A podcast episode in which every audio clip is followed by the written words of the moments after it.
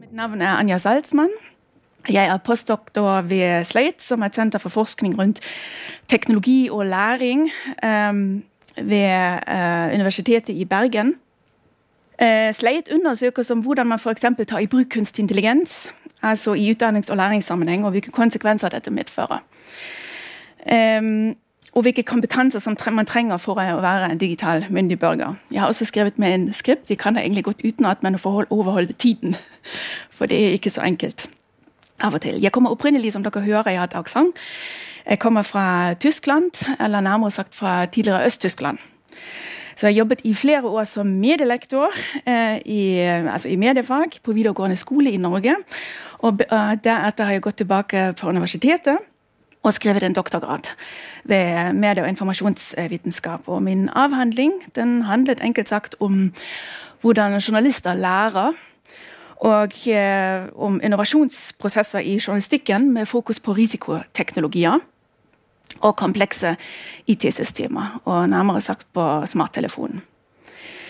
Så Blant annet har jeg da undersøkt hvilke risikoer som er knyttet til journalistikk og demokratien gjennom den eksessive overvåkning eh, og datainnsamling som mange av de digitale teknologier som vi nå til daglig omgir oss med, eh, fører til. Eh, så jeg har også sagt, selvfølgelig prøvd i avhandling å finne noen løsninger for å motvirke. Eh, og til mer, føre til en mer ansvarlig bruk av mobiltelefon, men det, jeg, det er jo ikke tema for i dag.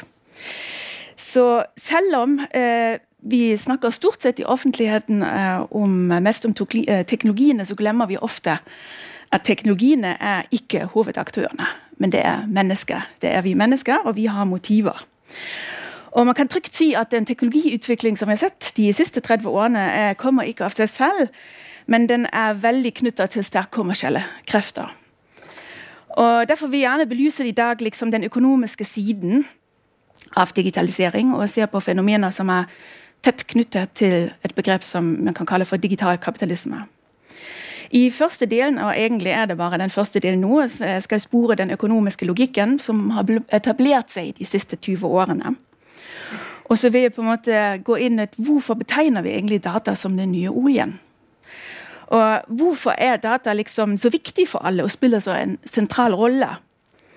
Eh, hvorfor sier man at det er oksygen for kunstig intelligens? Og hva på en måte åpner disse dataene alle for store eller nye forretningsmodeller? Men la oss begynne egentlig, Hvis vi snakker om digital kapitalisme, så må vi selvfølgelig ta utgangspunkt i begreper. Så hva er egentlig kapitalisme? Og det kan man jo ha også et stort innlegg om. Uh, og Jeg skal bare bruke her uh, en kort definisjon fra Store norske leksikon. Altså Kort sett kan vi snakke her om et økonomisk system som organiseres av de som eier kapital, og der arbeidskraft innbyttes mot å få lønn. Så kapitaleiere de bruker på en måte kapital for å skaffe seg produksjonsmidler og råvarer, pluss at de lønner arbeidstakere. Så, som kompensasjon for at de bruker arbeidskraft til arbeidstakere. Og sånn har det egentlig vært vanlig. Det er liksom det vanlige system, sånn som vi har forstått det. Kapitalistiske innslag kan man egentlig spore langt tilbake i historien. Og til og med til yngre steinalderen, som mange forskere sier. Eh, men betegnelsen, betegnelsen av begrepet kapitalisme den kom ikke opp før i 1800-tallet. Eh, sammen eh, med industrialisering og den teknologiske revolusjonen som foregikk i den tiden.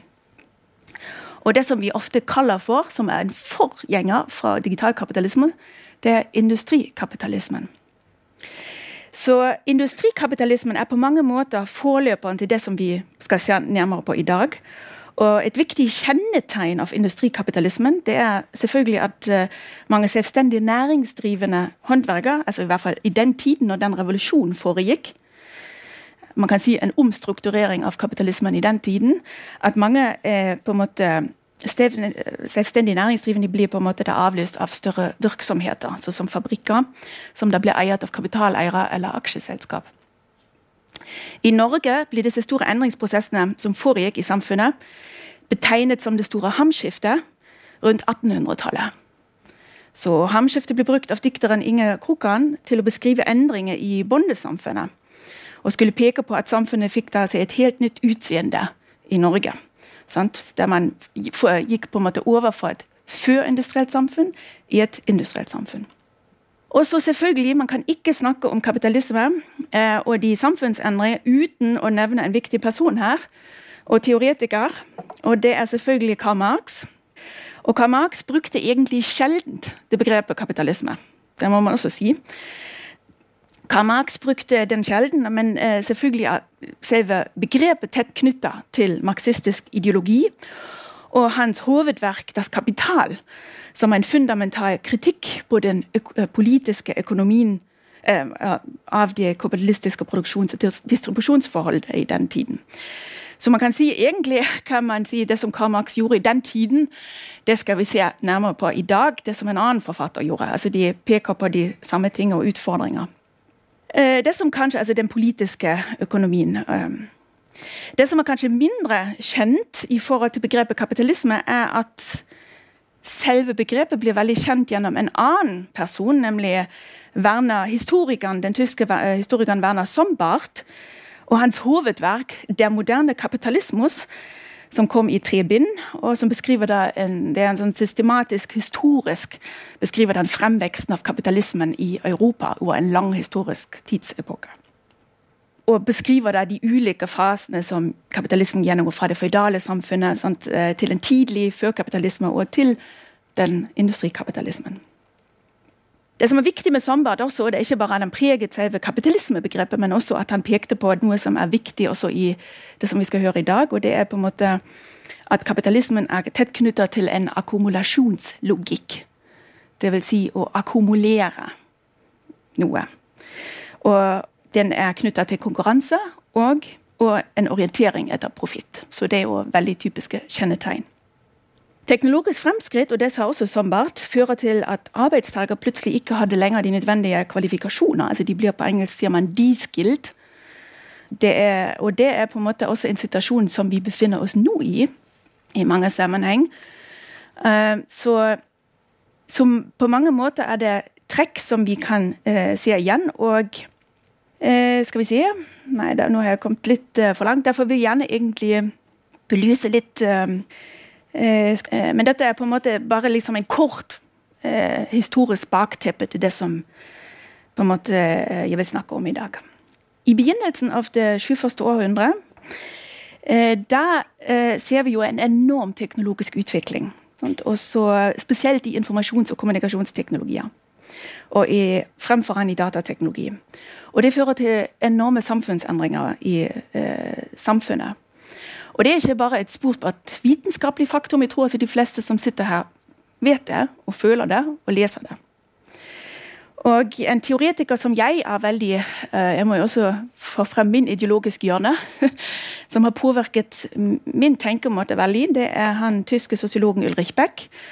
Som gjelder som en av de verdens mest siterte akademikere.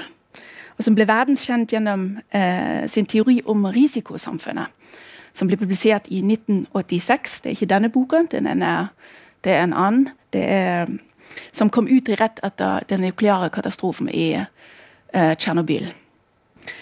Og eh, han, uh, denne boken her altså Dessverre døde Ulrich Beck i 2015 av plutselig hjertestans, så han er ikke fortsatt der. Men dette er på en måte det siste fragmentet som han jobber med.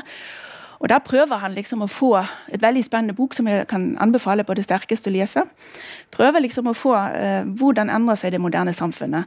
Og Den første setning i den boka uh, er, heter rett og slett 'Verden er i ubalanse'. The world is unhinged. Og Det som er interessant her, er at han bruker begrepet metamorfose til å beskrive disse disse radikale endringsprosessene. For ofte bruker vi jo gjerne transformasjon og, eh, og endring. Men han sier det, det, som skjer nå, er så radikalt at det egentlig ikke på en måte Så han bruker seg metaforen fra Frans Kafka sin fortelling om metamorfosen sant, til å beskrive hvor radikalt dette er. Han mener det også, han peker i boka at menneskeheten er konfrontert med en rekke globale risikoer, såsom som klimaendringer, nukleare teknologier, et finanssystem ut av kontroll, terrorisme, og til slutt, og det skal fokus i dag, det er at vi mister at vi har en fare for å miste fundamentale menneskerettigheter over autonomi og frihet. Gjennom overvåkingsprosesser og nye kommersielle logikker. Som truer også til metamorfere våre demokratier mer og mer i si, totalitære og kontrollerende systemer.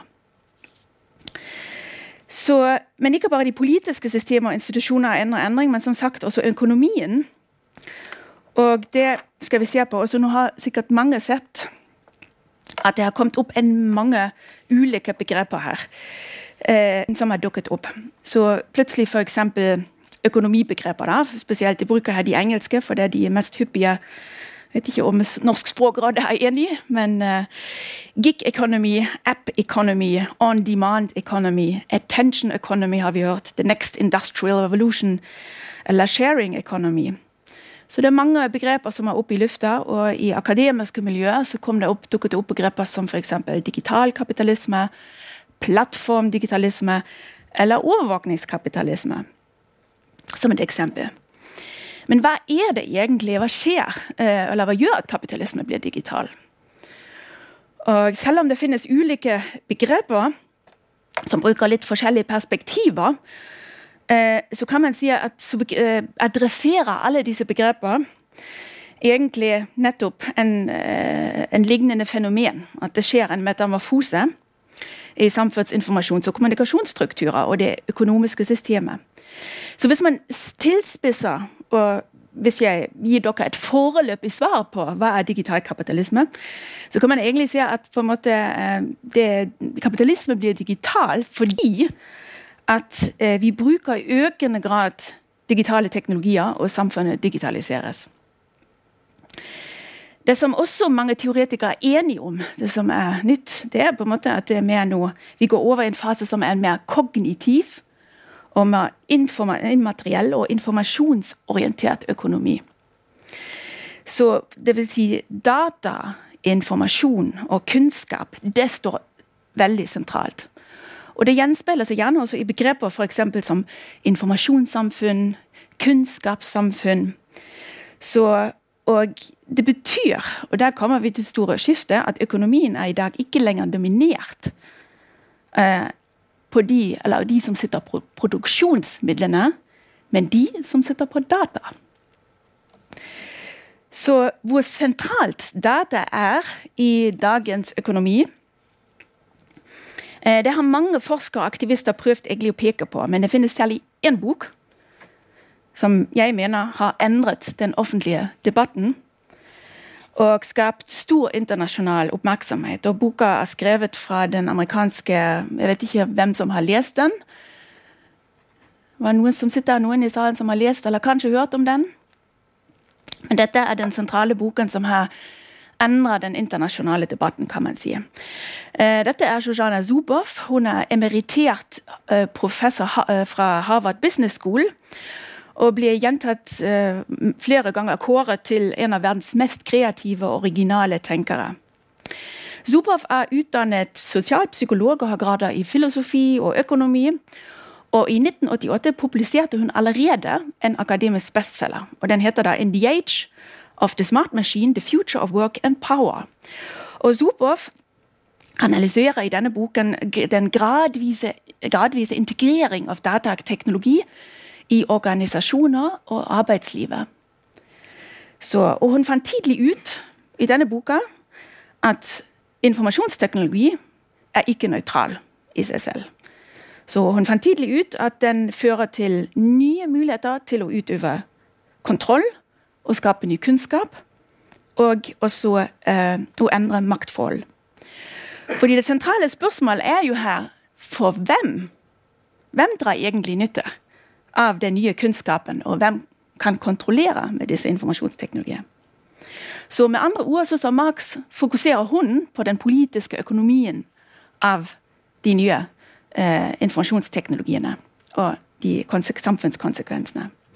I hennes nyeste bok, den ser dere på høyresiden, fra eh, 2019 Den heter 'Overvåkingskapitalismens tidsalder kampen for en menneskelig framtid ved maktens nye frontlinjer'. Og i denne boka eh, den kan man se som en slags akkumulasjon også, for å bruke det begrepet her òg. En sammendrag av hennes akademiske innsikter, innsikter og hennes lange uh, karriere.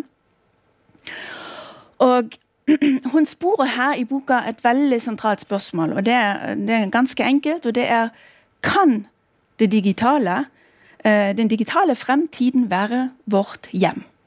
Det er liksom en sånn ledende spørsmål som Soboff stiller seg i denne boka, og er utgangspunkt for hennes beskriver.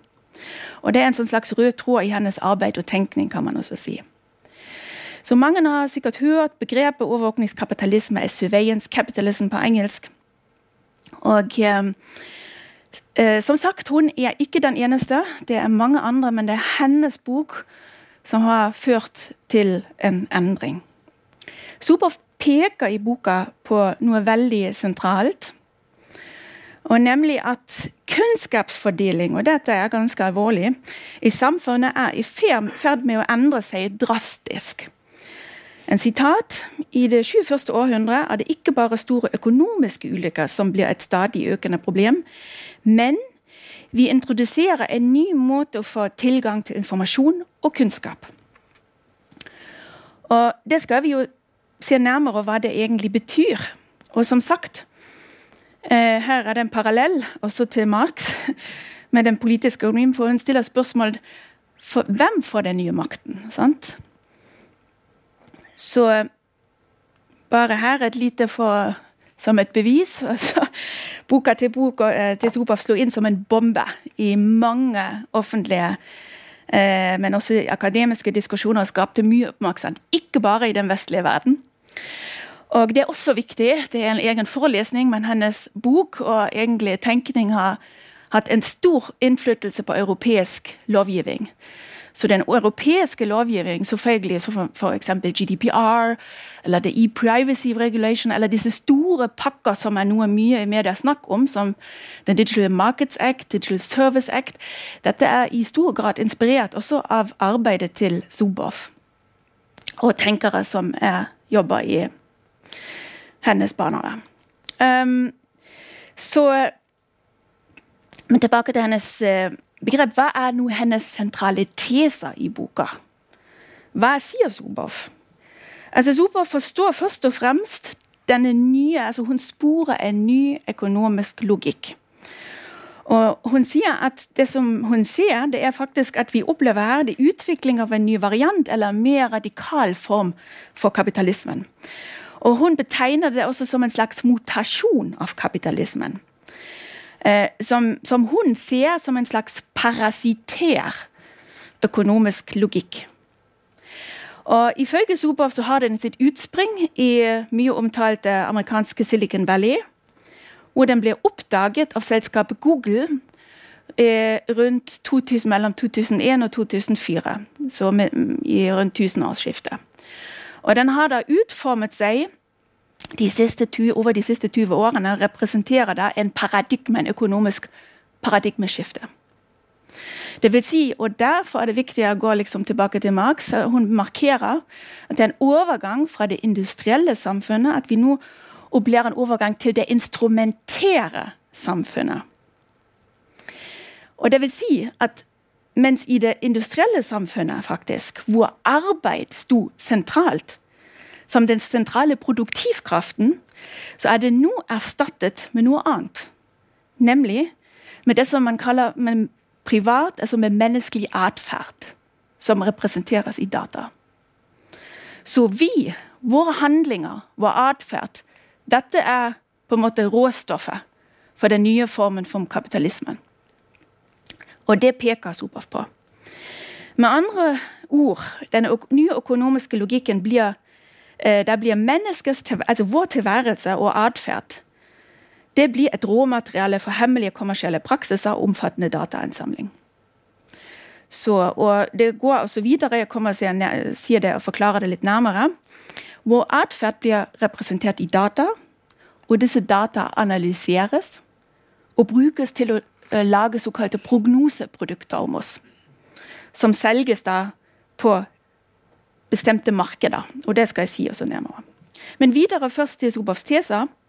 Soboff mener at dette, denne nye logikken setter eh, demokratiet, individenes autonomi og selvbestemmelsesrett i stor fare. Fordi den skaper en enestående form for, eh, eh, for konsentrasjon av rikdom, makt og veldig store kunnskapsasymmetrier. Eh, som bygger, på, og bygger på en enestående og fundamentalt eh, instrumentær makt. Vil si at man kan Veldig få personer kan utøve mye dominans over samfunnet. Og utfordre, det skulle egentlig være min andre del, det frie markedet. Så mennesker i denne logikken blir egentlig nedgradert, nedgradert til datahøstingskilder. Så, og Hun mener også at denne logikken og det skal vi se også på, den blir på en måte har nå migrert til mange andre samfunnssektorer, eller mange andre sektorer. Det er ikke bare de store tech-gigantene jeg snakker om. Dette har blitt en slags modus operandi for mange forretninger. altså I alle bransjer ser vi det nå komme. Det om det er transport, helse, bilindustri, også i offentlig sektor, utdannings, eh, finansindustrien, forsikringsbransjen, media, eh, media og underholdning. Så vi kan se det, spore det i alle områder i samfunnet. Så hva er det nå som Google har oppdaga? Google kaller hun altså Superf eh, peker, altså hun tar i boka utgangspunkt Hun ser det som en sånn slags DNA, Petri-skål, for å spore DNA-en av den nye økonomiske logikken. og Hun tar utgangspunkt eh, i tre av de store selskapene for å spore dette. Og Det er stort sett i Microsoft, Facebook og Google. Og Google mener Nazrubov er det faktisk den eh, her har oppdaget det nye gullet. Eh, og bidro i stor grad til at den økonomiske logikken har utviklet seg og også hemmelig institusjonalisert seg. Så, og Hun bruker dem også eh, tilføre en helt ny, i boka utvikler en helt ny begrepsapparat på å beskrive disse fenomenene. For det er jo noe nytt, og det er vanskelig å sette ord på. Derfor kommer det her en, rekke begreper. så for eksempel, Hun kaller det for her, det som Google har oppdaget, kaller hun for behavioral surplus. På norsk kunne man si oppdagelse av ekstra atferdsdata. Men hva er det egentlig? Hva er disse ekstra atferdsdata? Enkelt sagt er det hver eneste av våre handlinger på nett, eller også i den analoge verden, hvis vi omgir oss med digitale eh, duppetitter, genererer datasporer.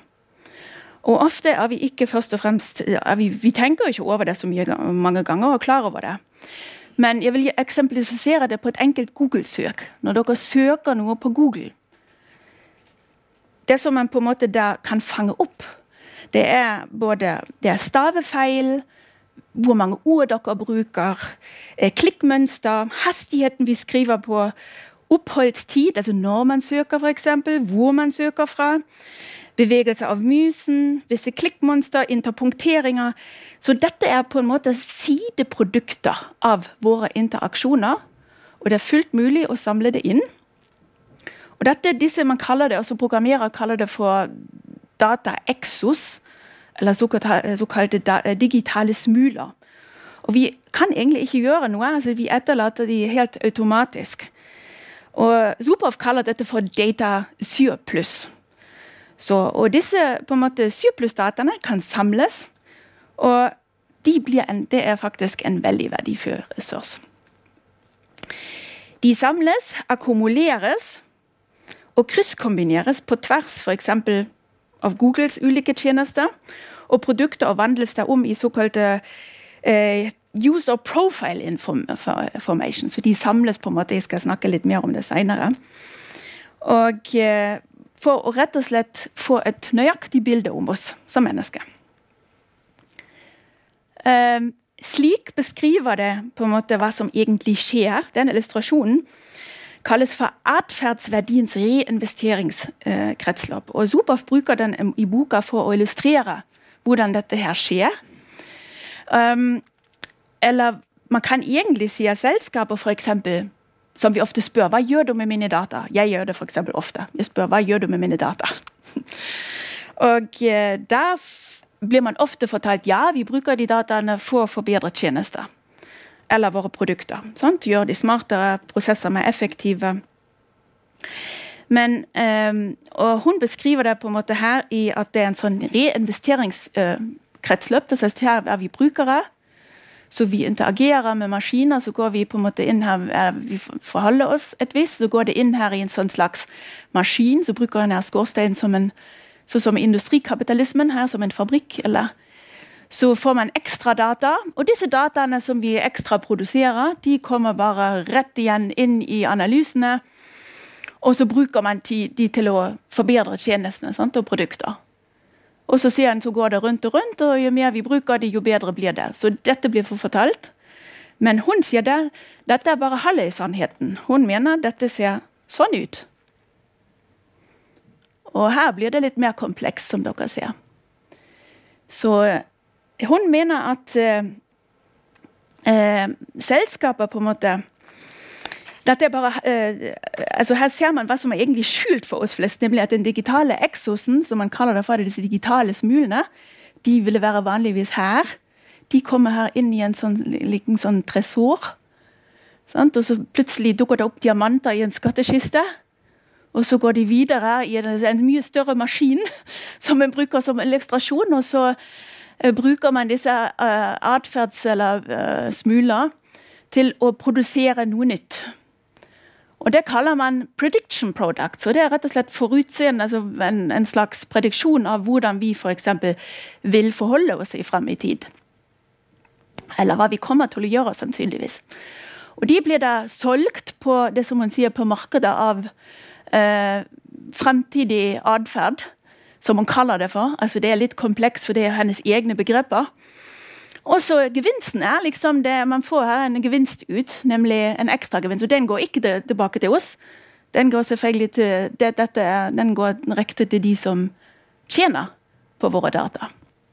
Så, så, hun mener på en måte rett og slett her Våre eh, atferdsdata og den digitale EXO blir bevisst dratt inn og brukt på en måte her eh, der man bruker algoritmer, og spesielt kunstig intelligens Sant? Og det er stort sett en prosess som vi ikke er klar over. Og blir, våre handlinger blir da utgangspunkt for å lage prognoser og utsikkelse av vår fremtidige atferd.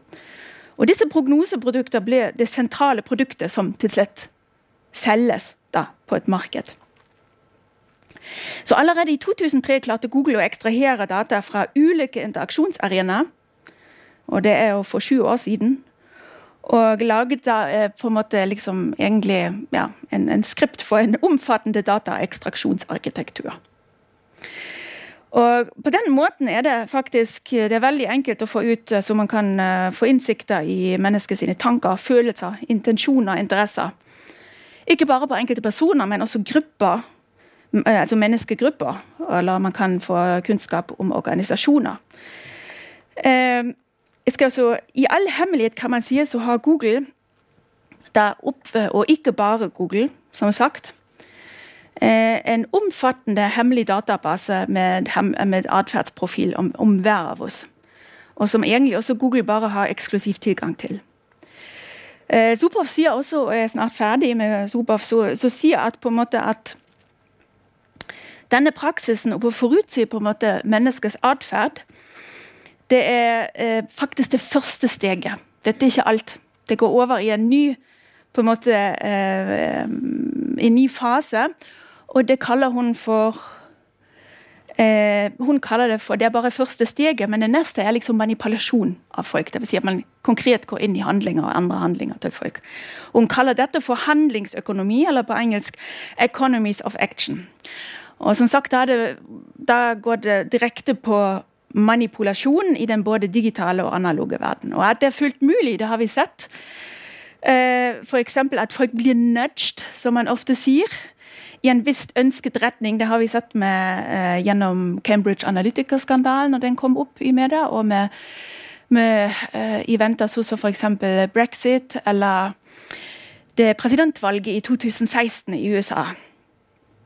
Så noen eh, andre forskere for eksempel, som jeg følger, som, som eh, Dirk Helbing, som sitter og jobber i, eh, som er en computational social scientist, han kaller det for social engineering. og han sier at det er en trend som vi kan observere, som går for å programmere datamaskiner til å programmere mennesker.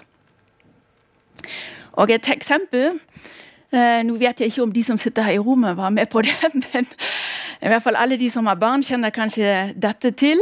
Dette er en uh, screenshot for Pokémon Go. Uh, dette var et veldig populært spill for noen år siden her i Norge.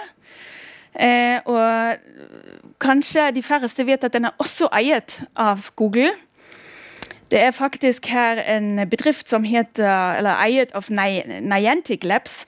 Men det er egentlig et Google-produkt. Og mannen som sto bak spillet, um, heter John Hanke, eller Hank. Var også med å utvikle tjenester, f.eks. Altså for han var med på å utvikle Street View og Google Earth.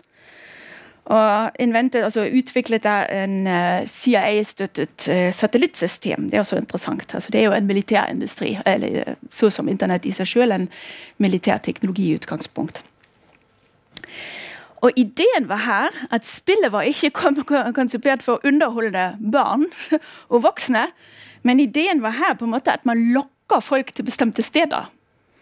De som kjøpte sånne Pokémon, var de som på en måte, for eksempel, de var ofte plassert på restauranter. og sånn At man kom plutselig på den ene 'Å ja, vi, jeg er litt små, småsulten, jeg, kan, jeg har lyst til å kjøpe meg noe'. Så det som man faktisk gjorde med det spillet her, det var at man eh, forvandla liksom istedenfor kliks, så kan man selge fottrafikk.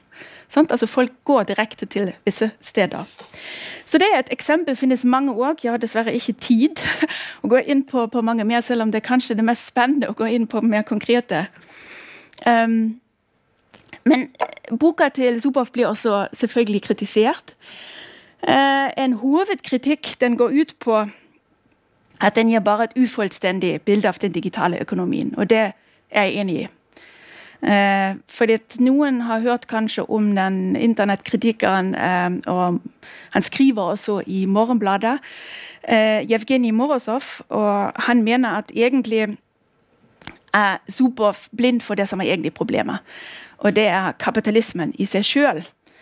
Eh, og han sier også da at, eh, så at Superf utelater på en måte mange altså organisasjoner og forretninger spesielt. De er jo i et komplekst nettverk innbyggere. Sant? Altså det er mange aktører. Og hun fokuserer stort sett bare på kundeforhold. Sant? Altså på forretninger og kunden, altså vi og Google. Men det er jo mer kompleks enn det. Så hun gir jo egentlig et ufullstendig bilde. Og um, andre kritikere, og der vil jeg også tilslutte meg, eh, de sier at faren av overvåkningskapitalismen ligger kanskje mindre i den manipulasjons... Uh, uh, hva skal vi si Potensialet, eller såkalte hjernevaskpotensialet, men at det er få selskaper som akkumulerer veldig, veldig altså De har rett og slett mer og mer makt. Altså at det samles på ja, i hendene av veldig en, en, en, liten elite, kan man si. Eh, litt om overvåkningskapitalismen også i praksis. Eh, generelt sett må man si det er veldig lite forskning rundt Spesielt når vi snakker om digital datahandel. Eh, og det er egentlig en enorm skyggeindustri som har dannet seg. og og det finnes egentlig bare få studier. Noen som jeg vil pikke ut. Og i 2014, det er den her på venstre, eh, der blir den østerrikske forskeren, aktivisten, ikke Schrems, det er en annen. Wolfi Christel eh, hadde da en studie for den østerrikske regjeringen som kaster litt lys på liksom denne kommersielle overvåkningslandskapet. Og Kristelig forskningsarbeid er så langt det mest grundige empiriske arbeid på feltet sånn generelt sett. Og det arbeidet var også utgangspunkt for en annen publikasjon. Den er denne her. Oi, det var for fort. Det er 'Networks of Control'. Her gikk han sammen med en tysk eh, etikk- og økonomiprofessor med navnet Sara Spikermann. Og de skrev rapporten 'Networks of Control'. Og Den prøver liksom å kartlegge ulike praksis og strukturen av denne kommersielle økosystem for personlige data. Og her prøver de liksom å belyse disse, dette nettverket. Og uh, ulike aktører, kilder sant? Og, og, også ulike former for å utøve kontroll. Og Her ser man i mange ulike bransjer, altså f.eks. Eh, i markedsføring, finansindustrien, i forsikringsbransjen, helsebransjen, rekruttering og i arbeidssammenheng. Av, det vil si overvåkning av ansatte. Denne rapporten den inspirerte faktisk også Norsk forbrukerråd Og til å gå i gang med undersøkelser om hvordan norske forbrukere blir utnyttet i kontekst av en eh, digital reklamevirksomhet, altså den såkalte EdTech-industrien. Og Det er den rapporten her på høyresiden. Den kan man finne på nett på Forbrukerrådet sine sider. Og eh, den har inspirert, og eh, her undersøker man hvordan på en måte eh, norske forbrukere blir utnyttet i kontekst av ja, som sagt, eh, den reklamevirksomheten. I rapporten til Forbrukerrådet eh, testet den norske myndigheten ti forskjellige smartphone-apps, og hvordan disse appene samlet inn sensitive personopplysninger om folk. Og hvordan og med hvem delte de, altså hvilke tredjeparter de delte den informasjonen. Så, og de fant ut at i gjennomsnitt hver eneste applikasjon på smarttelefonen delte da med minst 135 forskjellige parter, såkalte datahandlere, som er aktive i denne businessen. Og de lager rett og slett profiler, eller såkalte digitale tvillinger av folk. Og det hjelper selvfølgelig hjelper til å lage skreddersydd reklame eller politiske budskap. Eh, for å kunne gjøre det, altså for å, bare en liten kommentar, så, man, så utvikler man såkalt, som jeg sagt, en sånn user profile information, kalles også for unique identificator. Og det er på en måte eh, hvor man, slik at man kan assosiere de ulike informasjonen som vi på en måte sprer rundt, eller som vi i, på en måte i en um, At de kan spores tilbake på oss som person. Det er egentlig også en hel forelesning for seg sjøl, dette nettverket. Så jeg kan bare røre det litt sånn i overflaten. Men viktig er at her selges det våre personlighetstrekk, interesse, særegenheter, hvor vi bor, hvem vi lever sammen med, våre kjøpshistorikk, våre hemmelige ønsker. Alt av interesse. Og vi ble overvåket analysert av til dels obskure bedrifter. Som eh, ja, Slik at vi kjøper produkter og da forholder oss på en bestemt måte. Det som var veldig kjekt med Forbrukerrådet sitt rapport, det er at den blir veldig synlig internasjonalt. Så den, man kan kort sagt, den gikk viralt. Og den har inspirert mer enn 40 andre forbruker- og menneskerettsgrupper i Europa og i USA. Og for litt å sjokkere dere litt, så Slik er i hvert fall, Det er ikke fra Forbrukerrådet, men den er fra den første rapporten som er mitt. Det, dette er sånn et første kartlegging eller et bilde av den kommersielle eh, trekking, altså overvåkningslandskapet. Eh, og her ser vi tydelig at det er mange aktører som er involvert i, i og interessert i data. Så det er langt ifra at det bare er de big tech, the usual suspects, som dukker opp i media, men det er i alle industrier. Sant? Media, og publisering. Skipsted er en stor aktør i Norge. Sant? Eh, så det er dette er på en måte eh, Alle bedriver en, det som skriver seg en large scale collection and use of data on people. Uten at vi vet om det. Sant? Finansindustrien er interessert. Også offentlige sant, sektorer. Eh, sektor. Eh, så telekommunikasjon. Så alle er interessert i data. Så det er et stort og komplekst landskap. Her også, Det må også tilføre en visualisering hvordan på en måte våre egentlig være våre eneste interaksjoner. på en måte. Både den digitale og uh, fysisk, altså den fysiske verden utløser enorme datastrømmer. Sånt, det er her. Om vi handler, f.eks. beveger oss, om vi installerer en app, registrerer noe, sveiper, klikker Alt dette utløser på en måte sånne digitale smuler, og de går da inn her. Det er prøvd å visualisere i en, på en måte en sånn slags I dette komplekse nettverket.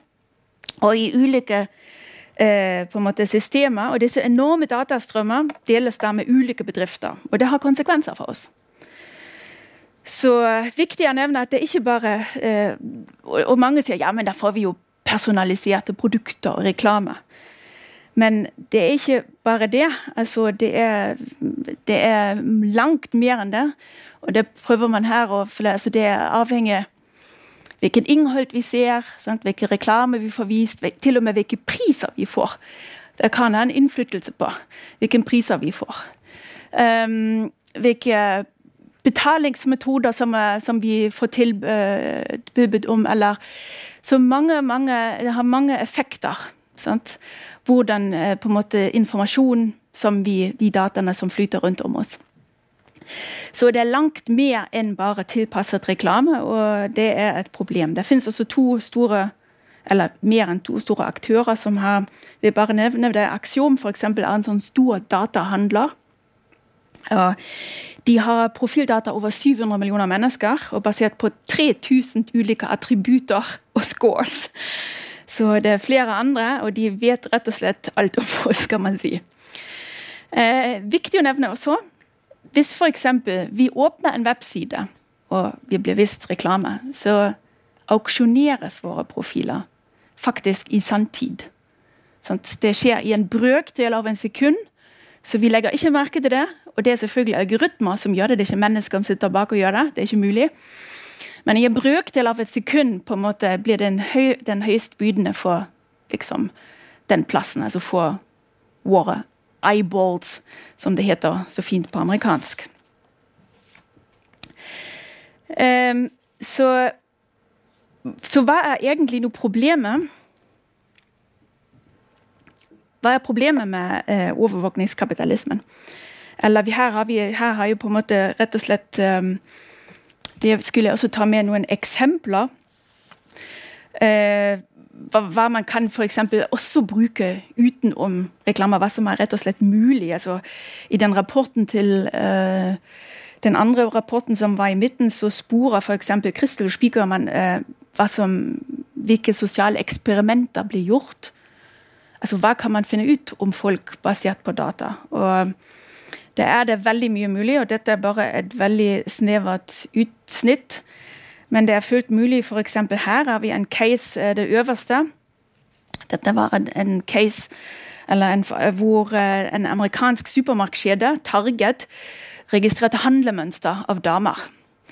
Eh, og Det er for ti år siden tilbake i tid. og Da kunne man danne en sånn slags prediction score. Uh, unnskyld, prediction, a pregnancy prediction score. Dvs. Si en svangerskapspunktesystem. altså Man kunne finne ut bare på måten altså Ikke hva folk handla, altså disse damene handla om de var gravide eller ikke. Så altså, Det vil bare si at det som er faren, at tilsynelatende egentlig uviktig informasjon som vi tror ikke ah, det sier veldig lite om oss Hvis man samler det, aggregerer, kan det si veldig mye om oss. Sant? Og det, det, går så langt at, og det har vært med og sett på, forsk, på, på slik forskning, å prodikere f.eks. personlighetstype på basis av loggdata på mobilen eller Facebook-data. Noe som har kanskje blitt kjent, og som de har hørt om, det er liksom den uh, Cambridge Analytica-skandalen uh, uh, baserte seg på. Det var et uh, forskningsarbeid fra en polsk doktorgradsstudent den gangen. Han utviklet da en mulighet til å bestemme personlighetstrekk og type basert på Facebook-likes. Man trengte bare 27 gjennomsnitt Facebook-slide for måte bestemme eh, eh, den personlighetstype. Og det igjen ble brukt til å tilpasse politiske budskap.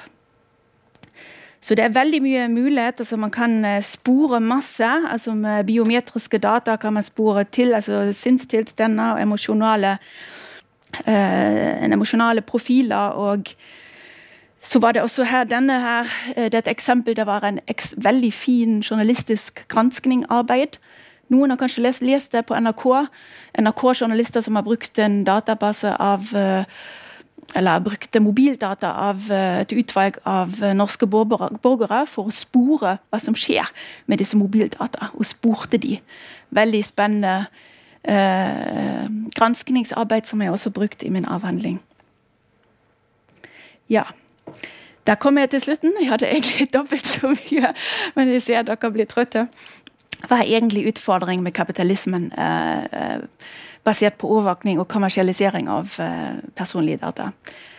Altså det viktigste er jo på en måte rett og slett at det setter grunnleggende menneskeretter i fare. Altså som personvern. altså alle disse praksiser, og generelt sett kan man egentlig si, de fleste, altså Når det dreier seg om en egen forelesning, altså teknologier som kunstig intelligens, de er i full kollisjonskurs med det som vi kaller for personvern. Fordi ofte er det sånn For å få gode algoritmer trenger man treningsdata, mye data, heterogen, altså veldig forskjellige data. Og det er selvfølgelig ofte veldig i kollisjon med det som at vi skal beskytte, og må beskytte, våre data. Eh, ytringsfrihet, menneskelig autonomi, frihet og verdighet, rett og slett. også. Sant? Å leve i et samfunn basert på overvåking forandrer måten vi lever på og lever sammen på i samfunnet. Og det eroderer langsiktig også tillitsforholdet i samfunnet. Så en slik datastyrt økonomi der menneskelige subjekter blir til kvantifiserte og analyserte dataobjekter, vil trigge også veldig fundamentale filosofiske spørsmål, nemlig hvordan forstår vi oss egentlig som mennesker i dette århundret? Altså, hvordan ser vi på oss sjøl, på andre? Er vi bare en sum av statistiske kvantifiseringer? Eh, eller på en måte et resultat av uh, usynlige, ikke-transparente uh, algoritmer og hva de regner frem til?